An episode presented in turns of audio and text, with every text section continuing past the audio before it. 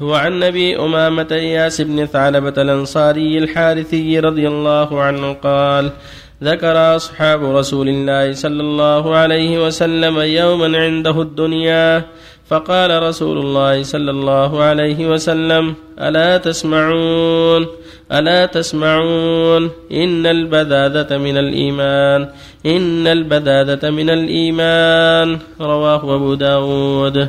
وعن أبي عبد الله جابر بن عبد الله رضي الله عنهما قال بعثنا رسول الله صلى الله عليه وسلم وأمر علينا أبا عبيدة رضي الله عنه نتلقى عيرا لقريش وزودنا جرابا من تمر لم يجد لنا غيره. فكان أبو عبيدة يعطينا تمرة تمرة فقيل كيف كنتم تصنعون بها؟ قال نمصها كما يمص الصبي ثم نشرب عليها من الماء فتكفينا يومنا إلى الليل وكنا نضرب بعصينا الخبط ثم نبله بالماء فنأكله. قال وانطلقنا على ساحل البحر فرفع لنا على ساحل البحر كهية الكثيب الضخم فأتيناه فإذا هي دابة تدعى العنبر. فقال أبو عبيدة ميتة ثم قال لا بل نحن رسل رسول الله صلى الله عليه وسلم وفي سبيل الله وقد اضطررتم فكلوه فأقمنا عليه شهرا ونحن ثلاثمية حتى سمنا ولقد رأيتنا نغترف من وقب عينه بالقلال الدهن ونقطع منه الفدر كالثور أو كقدر الثور ولقد أخذ منا أبو عبيدة ثلاثة عشر رجلا فأقعدهم في وقب عينه وأخذ ضلعا من أضلاعه فأقامها ثم رحل أعظم بعير معنا فمر من تحتها وتزودنا من لحمه وشايق. فلما قدمنا المدينة أتينا رسول الله صلى الله عليه وسلم فذكرنا ذلك له. فقال هو رزق أخرجه الله لكم فهل معكم من لحمه شيء فتطعمونه فأرسلنا إلى رسول الله صلى الله عليه وسلم منه فأكله رواه مسلم. وعن أسماء بنت يزيد رضي الله عنها قالت كان كم قميص رسول الله صلى الله عليه وسلم إلى الرسغ رواه أبو داود والترمذي وقال حديث حسن. بسم الله الرحمن الرحيم. الحمد لله وصلى الله وسلم على رسول الله وعلى آله وأصحابه ومن اهتدى بهدى أما بعد هذه الأحاديث الثلاثه كالتي قبلها في الحث على التقلل من الدنيا وعدم المكاثرة فيها لأنها تصد عن الآخرة. قال تعالى ألهاكم التكاثر حتى زرتم المقابر. وينبغي المؤمن ألا يشغل بها عن الآخرة وأن يكتفي منها بما يسد حاجته.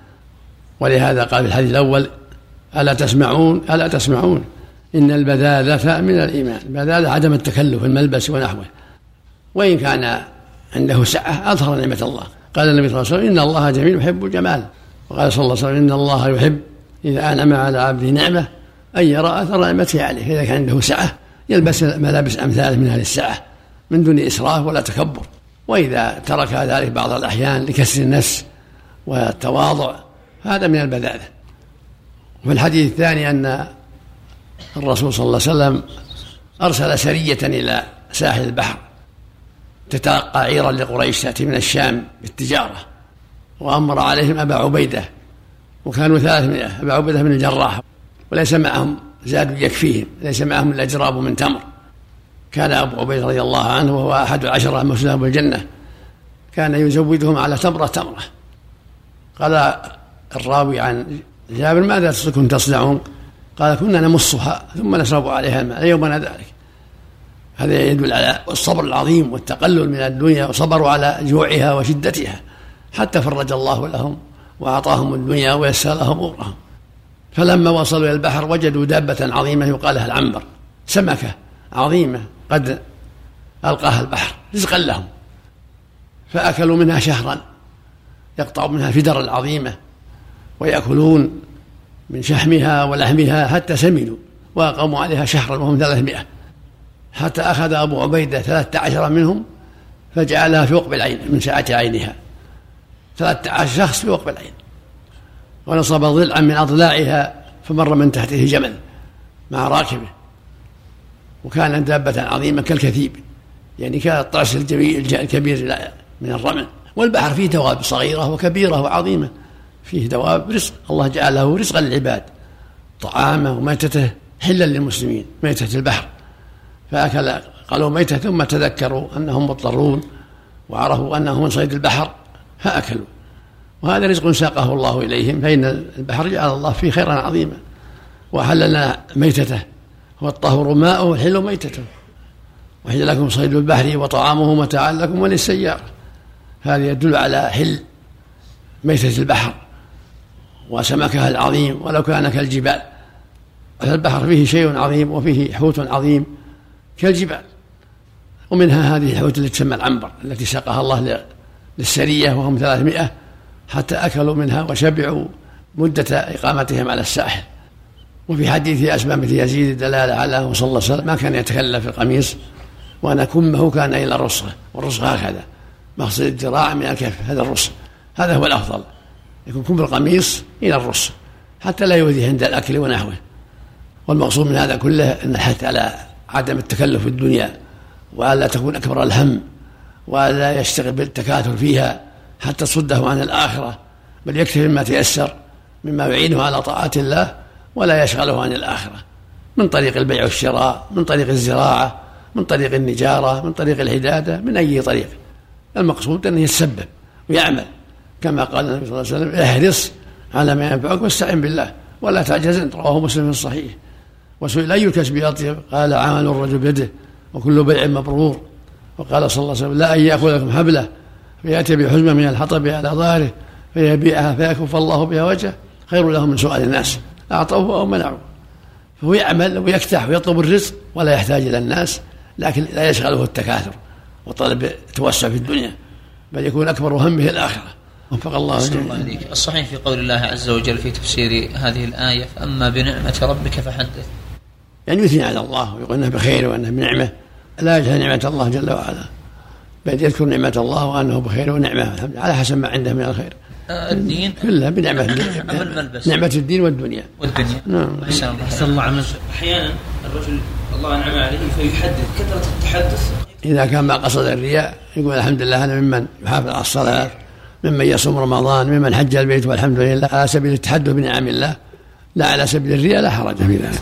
أو يقول أنا أبيع وأشتري والحمد لله وأتحرى الحلال وأبتعد عن الربا والغش ونحو ذلك حتى يكون بهذا نصيحة لغيره. أحسن الله عملك ركوب البحر للنزهة. ما على في شيء. إذا كان على مركب سليم ما يخالف مثل النزهة في البر. نعم. لو خاف ممن يسمعه. المقصود إذا دعت الحاجة والمصلحة إلى التحدث تحدث. ويقول أعوذ بالله من شر حاسد إذا حسد. لا يخاف إلا ربه يتعوذ بالله من شر كل ذي شر. ويتحدث بنعم الله حتى لا يجحد نعمة الله عليه. أحسن الله إذا كان عادة تقول أنا وأنا وأنا هل ينصح؟ المقصود لا يكون قصده الرياء وإنما يتحدث بنعم الله للشكر عليها وحث الناس على طلب الرزق وأنه بخير لا يحتاج إلى ما عنده أحسن الله لك شيخ. الماء المقرى عليه ويوضع شيء من الزعفران عليه ويشربه المريض الممسوس ما في بأس إذا كان به محادة. المحادة لا لأن الزعفران طيب. أما إذا كان من سائر المرضى فلا بأس الزعفران قد ينفع الله. به أحسن الله إليك. على الإطلاق العموم يعني. نعم. على الصحيح على عموم وقال بعضهم ما كان جنسه في البر محرم ميتته في البحر كذلك. ولكن ظاهر القرآن والسنة أن البحر كله ما فيه حل لنا حيا وميتا. من يعيش في البر والبحر. حكم حكم البر. المعاش في البر والبحر حكم حكم البر الصواب في أنا أنا أحسن الله إليك يكون في فقط في الاستئذان. إيش؟ الصواب في أن الإنسان لا يتحدث بقوله أنا إذا استأذن يقول أنا أنا أنا فلان أبو فلان. هذا منهي عنه. نعم يصلح. صرح باسمه. نعم. أنا أنا ما تشتبه. رضي الله عنك. صرح.